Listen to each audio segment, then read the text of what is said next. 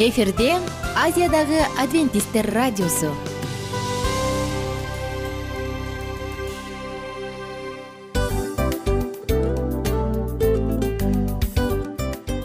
Достор салют. Баардык сүйүктүү угармандарыбызга салам айтабыз. Кутман күнүңүздөр менен. Ден соолук өмүрдүн булагы демекчи саламат саамы программасында баарыңыздарды көргөнүбүзгө абдан кубанычтабыз. Анда алгач амандашып өтөлү арбаңыздар деп. Ден соолугуңуздар кандай элибизде көбүнчө ден соолук кандай дегенде эле жакшы деп жооп беребиз э ооруп турсак дагы жакшы дейбиз. Анан мен муну айтып ойлойт элем бул абдан сонун сөз депчи анткени бул жакшы деген үмүт да э ооба баары жакшы болот баары сонун. Деп үмүттөнүп атып эле өзүбүздү өзүбүз дарылап коебуз. Анысы кандай? Сиздин дагы ден соолугуңуз жакшы беш деген үмүттөбүз чындыгында ден соолук бул өмүрдүн булагы деп бекеринен айтылган эмес деп ойлойм. Кыргыз элинде анткени эгерде ден соолук жок болсо анда адамдын жашоосунда калган баардык керектүү маңыздуу нерселер өзүнүн баалуулугун жоготуп коет. Ошондуктан ден соолук бул эң керектүү нерсе. Ооба туура айтасың кесиптешим чынында ден соолугуң жок бир эки үч күн ооруп калсаң эле кандай болуп калат? Жашоодо көз каранды болуп каласың көп нерсеге жетишпей каласың көп нерсени кыла албай каласың. Жада калса эшикке дүкөнгө да чыга албай каласың. Туптуура анан ден соолук болсо демек биз биздин бактыбыз тотой деп койсок болот. Анда достор саламат саамы рубрикабызды баштайлы. Алдыда өзүңүзгө керектүү болгон сонун кеңештерди уга аласыздар. Мына ошондуктан биз менен бирге болуңуздар. Ал эми биз болсо милан жана айнура. Кеттик алга. Алга саламат саама ден соолуктун жарчысы. Саламат саама ден соолуктун ачкычы. Күн сайын сиз үчүн мыкты кеңештер сонун жаңылыктар кызыктуу фактылар биздин рубрикада.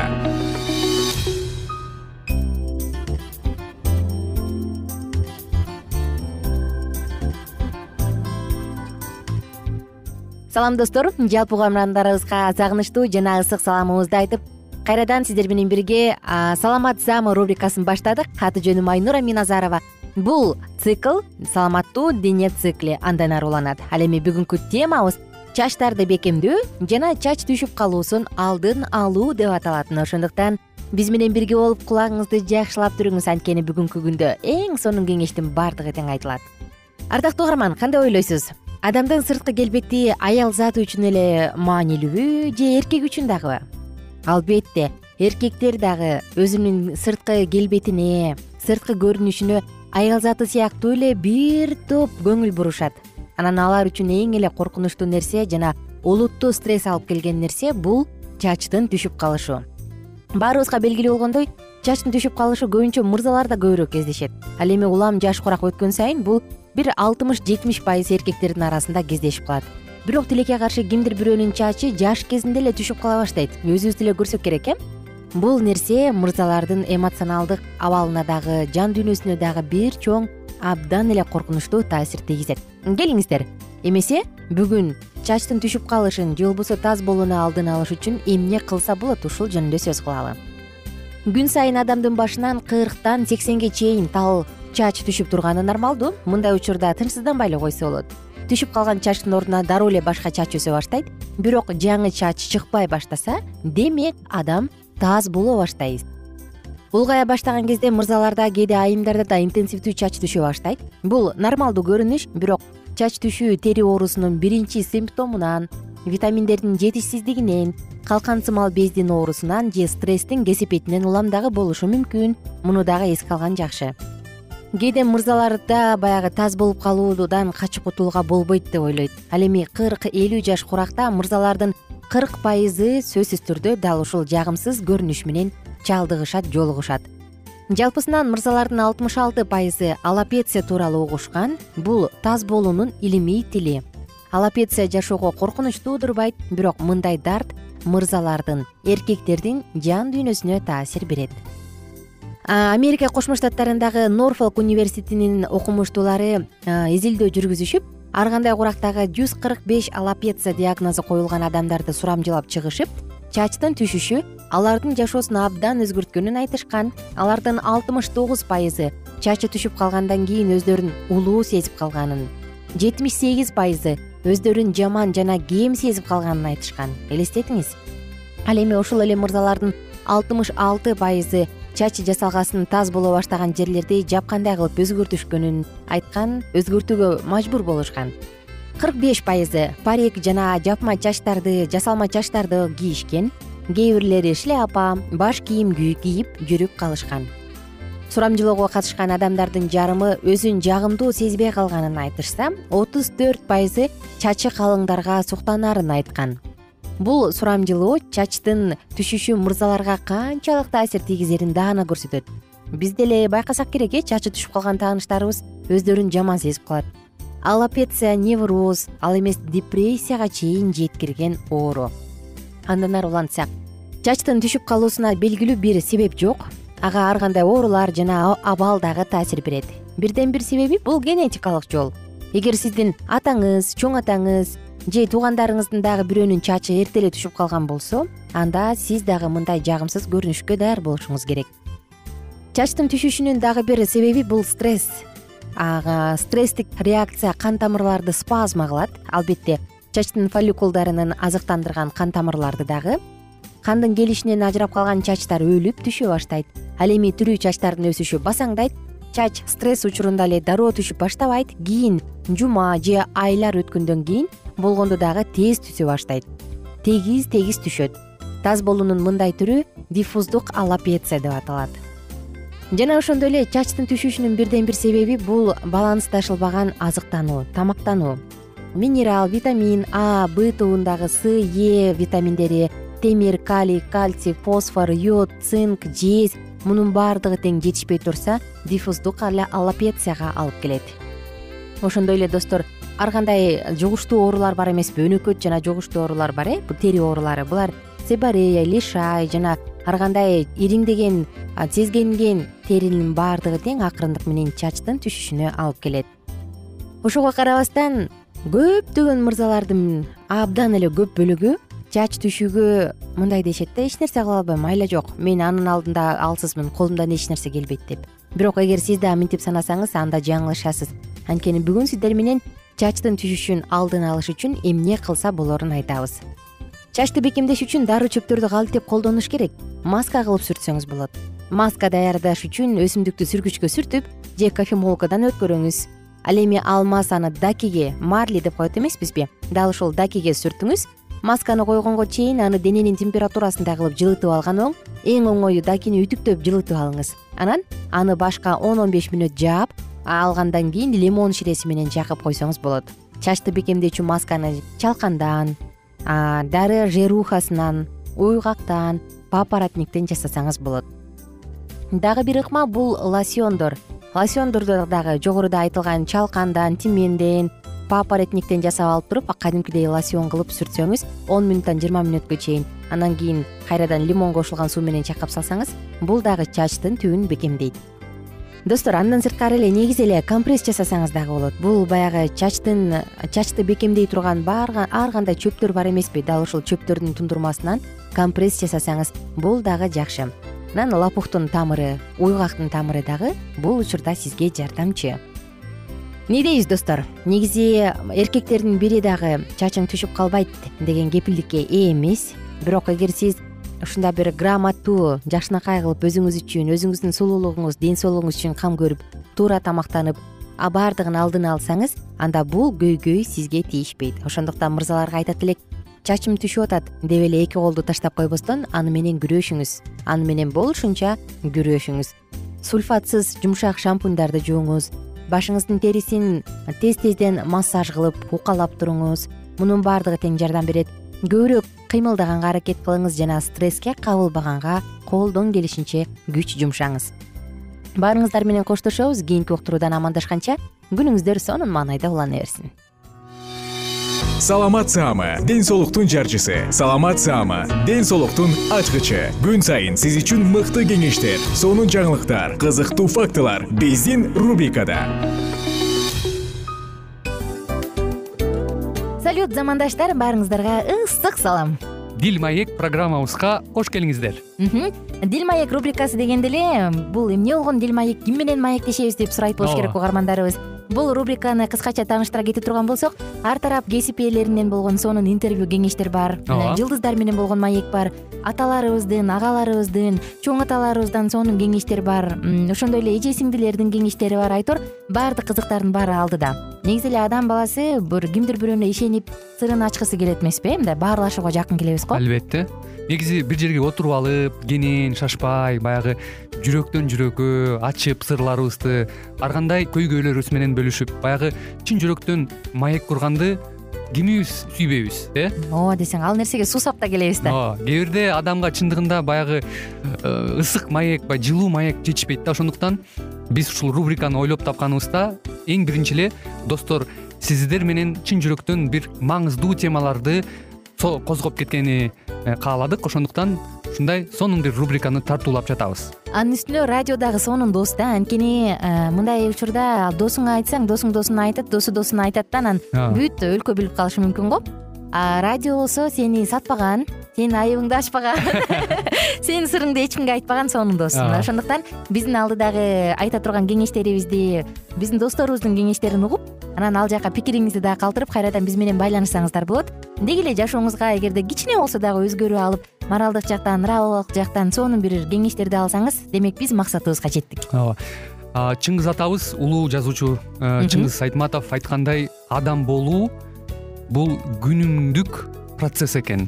Күн сайын адам бойдон калуу бул адамзатка эң эле кыйын дейт э? э эң кыйын дейт. Чындыгында бунун э, негизинде адамдын эң баягы сапаттуулугу адамдын адамгерчилиги жана көптөгөн керектүү нерселер. Мына ошол темалар дагы бизде э, ушул дил маекте биз аларды да козгойбуз. Э, ден соолук жөнүндө да сүйлөшөбүз. Сөзсүз түрдө анан милан мырза негизи айтып коюшат го. Э, биз көбүнчө эмнени ойлонсок ошол нерсеге карата иш кылабыз го. Ооба. Анан анысы кандай? Балким бул радио баракчада кимдир бирөөнүн оюн текшергенге жардам берет кимдир бирөөнүн жүрөгүн текшергенге жардам берет. Балким кимдир бирөөгө жашоонун маңызын тапканга жардам берет айтор кызыктын баары алдыда бул жөн гана кыскача жарнама анда угармандарыбыздын баардыгын кийинки рубрикабызга чакырабыз. Ал эми кызматта маңдайымда отурган кесиптешим милан жана мен айнура. Анда эмесе биз даярдаган терең терең ойлор менен таанышууга кеттик. Алыс алыс баралык. Анда эмесе достор биз менен бирге болуңуздар. Алдыда эң кызыктуу маалыматтардын баардыгы бир нече мүнөттөр бою жалгыз гана сизге арналат. Мына ошондуктан жакшы маанай менен угууну каалайбыз. Үн алышканча. Жөнөдүк. Ар түрдүү ардактуу кесип ээлеринен алтын сөздөр жүрөк ачышкан сыр чачышкан сонун маек дил маек рубрикасында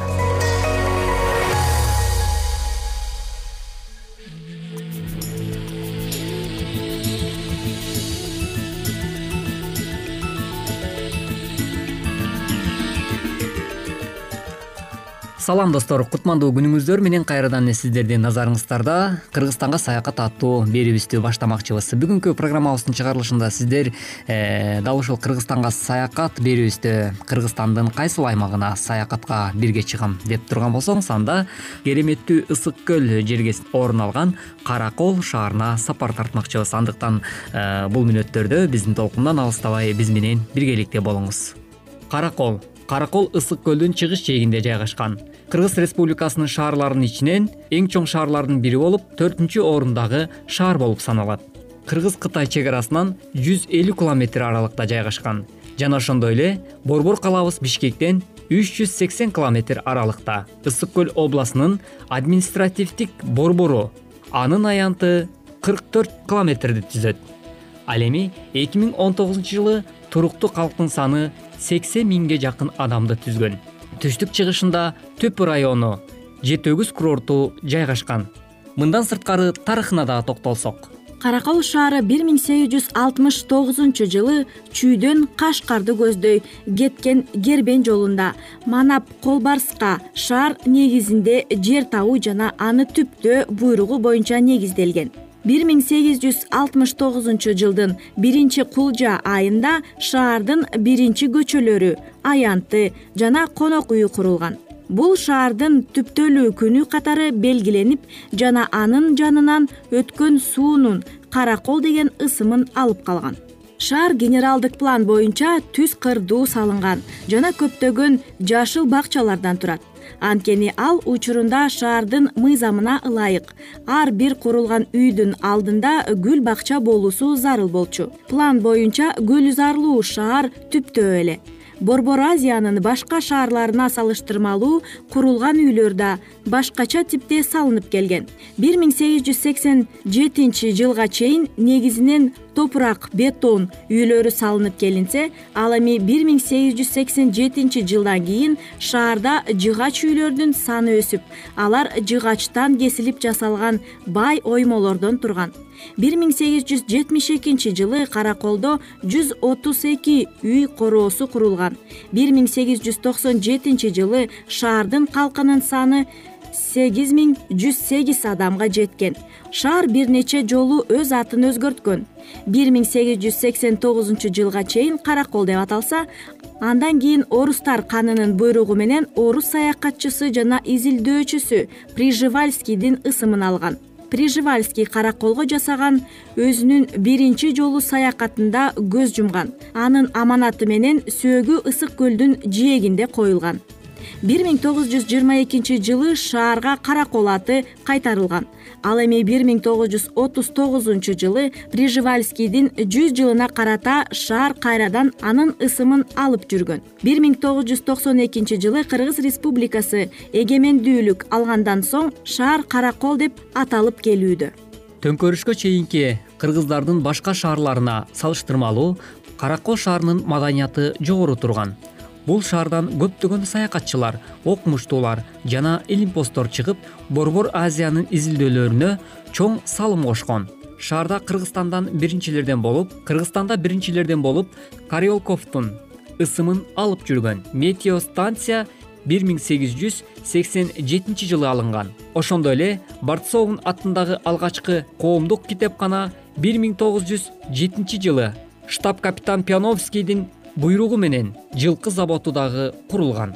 Экономикалык жактан шаар ысык көл чөлкөмүнүн борбору катары жакшы өнүгүп кеткен. Бир миң сегиз жүз токсон төртүнчү жылы шаардын кирешесин отуз төрт пайызын соода саттыктар түзүп турган.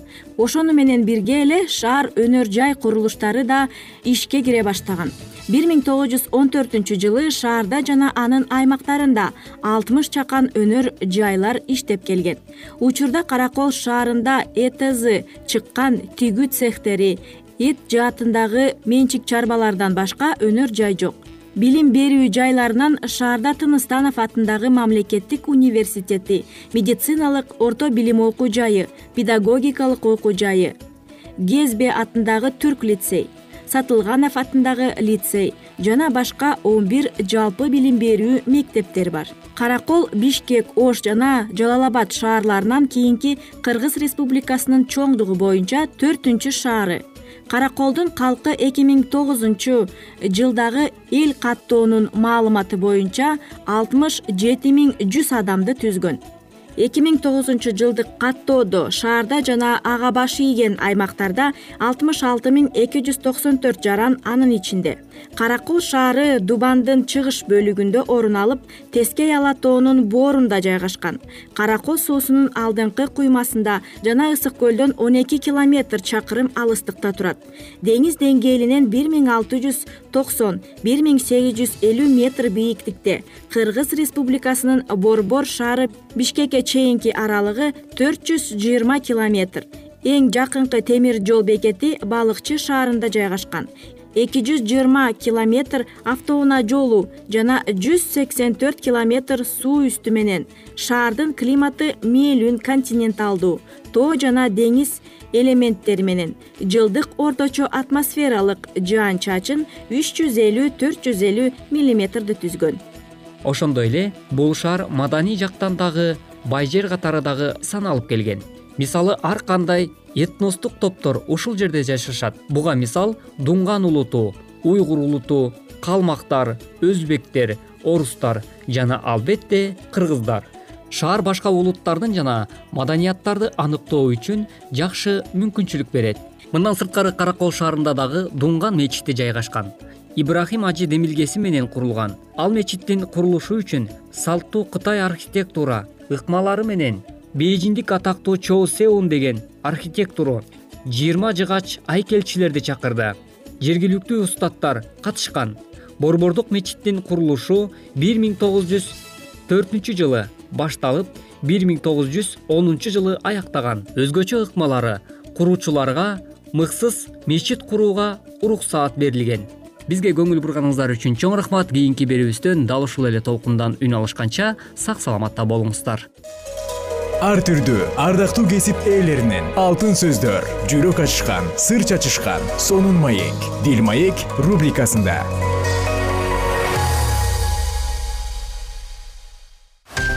Жан дүйнөңдү байыткан жүрөгүңдү азыктанткан жашооңо маңыз тартуулаган жан азык рубрикасы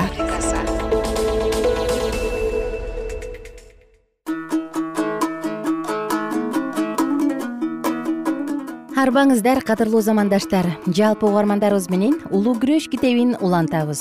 Биз менен бирге болуңуздар. Мындай жалган окутууга каршы кудай сөзү ишсиз ишеним жөнүндө күбөлөндүрөт асмандын алкышын алууга аракеттенген жана ошол эле мезгилде ырайым берилүүсү үчүн коюлган шарттарга моюн сунбаган ишеним бул ишеним эмес жөн гана адепсиз ээн баштык. Анткени чыныгы ишеним ыйык жазуунун убадаларына негизделген кудайдын бир талабын билип туруп бузуу менен ыйыктыкка жетүү мүмкүн эмес. Ошондуктан эч ким азгырылбасын. Билип туруп жасаган күнөө айыпты ачып турган ыйык рухтун үнүн жабат. Жана адамдын жанын кудайдан алыстатат. Күнөө бул мыйзамсыздык. Ал эми күнөө кылган ар ким аны көргөн жок жана аны тааныбады. Жакан өз жазган каттарында сүйүү жөнүндө көп жазса дагы касиеттүүлүккө талапкерлик кылып ошол эле убакта кудайдын мыйзамдарын бузган адамдардын чыныгы мүнөзүн ачык айыптаган ким мен аны тааныдым десе бирок анын осуяттарын сактабаса анда ал жалганчы. Анын ичинде чындык жок. Ал эми ким анын сөздөрүн сактап жүрсө анда алардын ичинде чындыгында кудайдын сүйүүсү орногон. Деп жазылган биринчи жакан экинчи бап төртүнчү бешинчи аяттарда. Жана ушул эле жерде бардык адамдардын ишеними сыналат адамдарды асманда дагы жана жерде дагы жалгыз тараза менен сыналмайынча касиеттүүлүгү жөнүндө айыптоого болбойт. Кудай мыйзамынын алдында керектүү болгон жоопкерчилигин сезбеген кудайдын осуяттарын басынтырып жана барктабаган кичине парыздарын бирин бузган жана адамдарды ошондой үйрөткөн адамдар теңирдин алкышын алам деп ойлобосун. Жана ишенимдүүлүк менен алар жөнүндө алардын умтулуулары бардык негиздерден ажыратылган деп айтууга болот. Менде күнөө жок деп эсептеген адам ошону менен ыйыктан өзүнүн алыс экендигин көргөзөт. Кудайдын ыйыктыгы жана чексиз тазалыгы жөнүндө жана теңирдин айтканында жүргөн адамдар менен чыныгы тааныштыгы жок адамдар гана өздөрүн ыйыкпыз деп эсептешет. Анткени аларда машаяктын тазалыгы жана жогорку сүйүүсү бузукулук жана эки жүздүүлүк жөнүндө элестеш жок. Машаяк менен адамдын ортосундагы аралык канчалыктуу алыс болсо ошончолук анын теңирдин талаптарына жана негизине болгон түшүнүгү жетишсиздик. Ал өзүн ошончолук адилеттүү эсептейт. Ыйык жазуу айтып кеткен ыйыктык адамдын рухуна жанына денесине дагы таандык. Павыл пессалоникалыктардан тынчтыктын кудайы өзү силерди жетишерлик ыйык кылсын жана силердин рухуңар дагы жаныңар да денеңер да бүт бойдон биздин теңир ыйса машаяктын келишине эч кемтиксиз таза сакталсын деген биринчи тессалоникалыктар бешинчи бап жыйырма үчүнчү аят. Жана дагы ал бардык ишенгендерге кайрылат. Демек боордошторум кудайдын боорукердигин көрүп туруп силерден өтүнөмүн. Денеңерди терүү ыйык кудайга жага турган курмандыкка бергиле. Римдиктер он эки бир байыркы израилде кудайга арналып алынып келинген курмандык кылдаттык менен каралган. Жаныбардан табылган кандайдыр бир кемчилик анын кудайга арналуусунан аны ажыраткан. Анткени кудай кемчиликсиз курмандык талап кылган. Ошондой эле ишенген адамдар дагы өздөрүн тирүү ыйык кудайга жага турган курмандыкка берүүлөрү зарыл. Бул үчүн адам өзүн эң жакшы абалда кармап жүрүшү керек.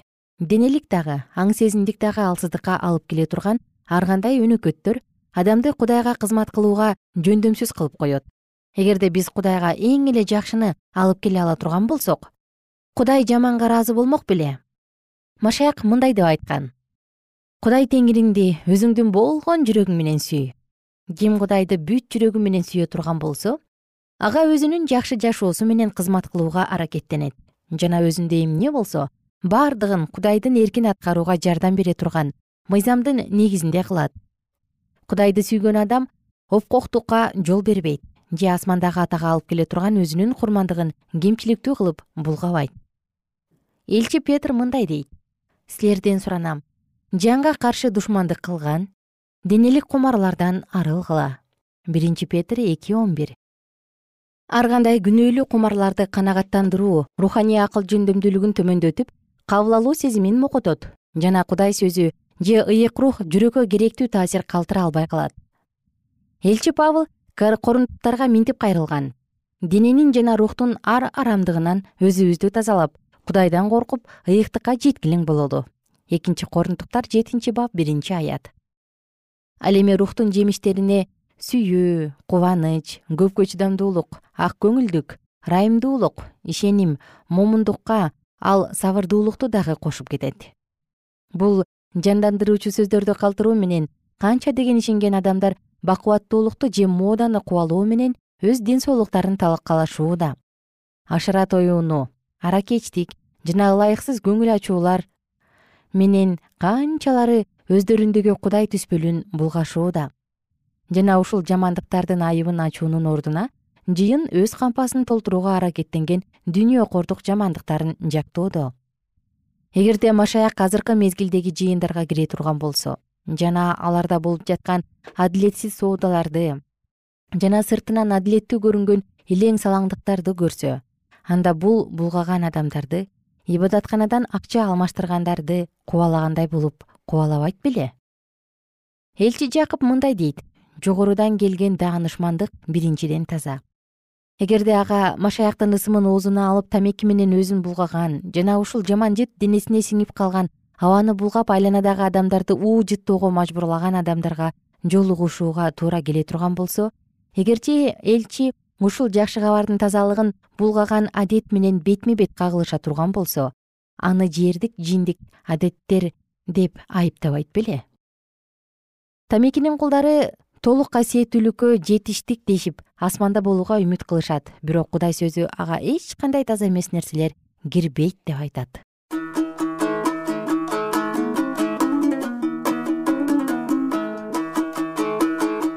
Кадырлуу замандаш сиздер менен улуу күрөш китебинен бир нече саптарды окуп өттүк. Биз менен бирге болуңуздар. Уктуруубузду кийинкиде кайрадан улантабыз. Күнүңүздөр мыкты маанайда улана берсин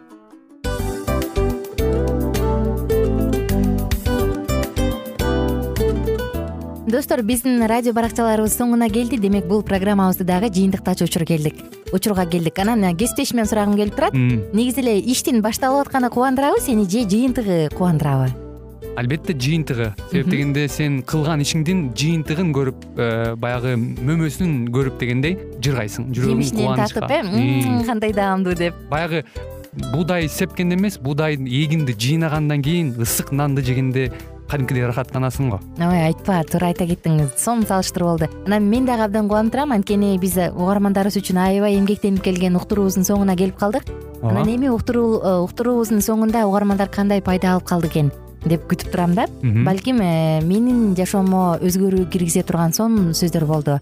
Мен ушул нерсени изилдеп анан кабыл албасам ушул нерсени кылбасам деген чечим чыгарсаңыз анда биз абдан кубанычтабыз. Сөзсүз түрдө андыктан кийинки биздин кызыктуу уктурууларыбыздан көрүшкөнчө сак саламатта калыңыздар. Чыдамсыздык менен сиздерди мен милан жана кесиптешим айнура күтөбүз. Баардык угармандарыбызга ийгиликтүү күн каалайбыз. Качан гана болбосун уртуңуздан жылмаюу кетпесин үйүңүздө көмүр жүрөгүңүздө көңүл болсун дейли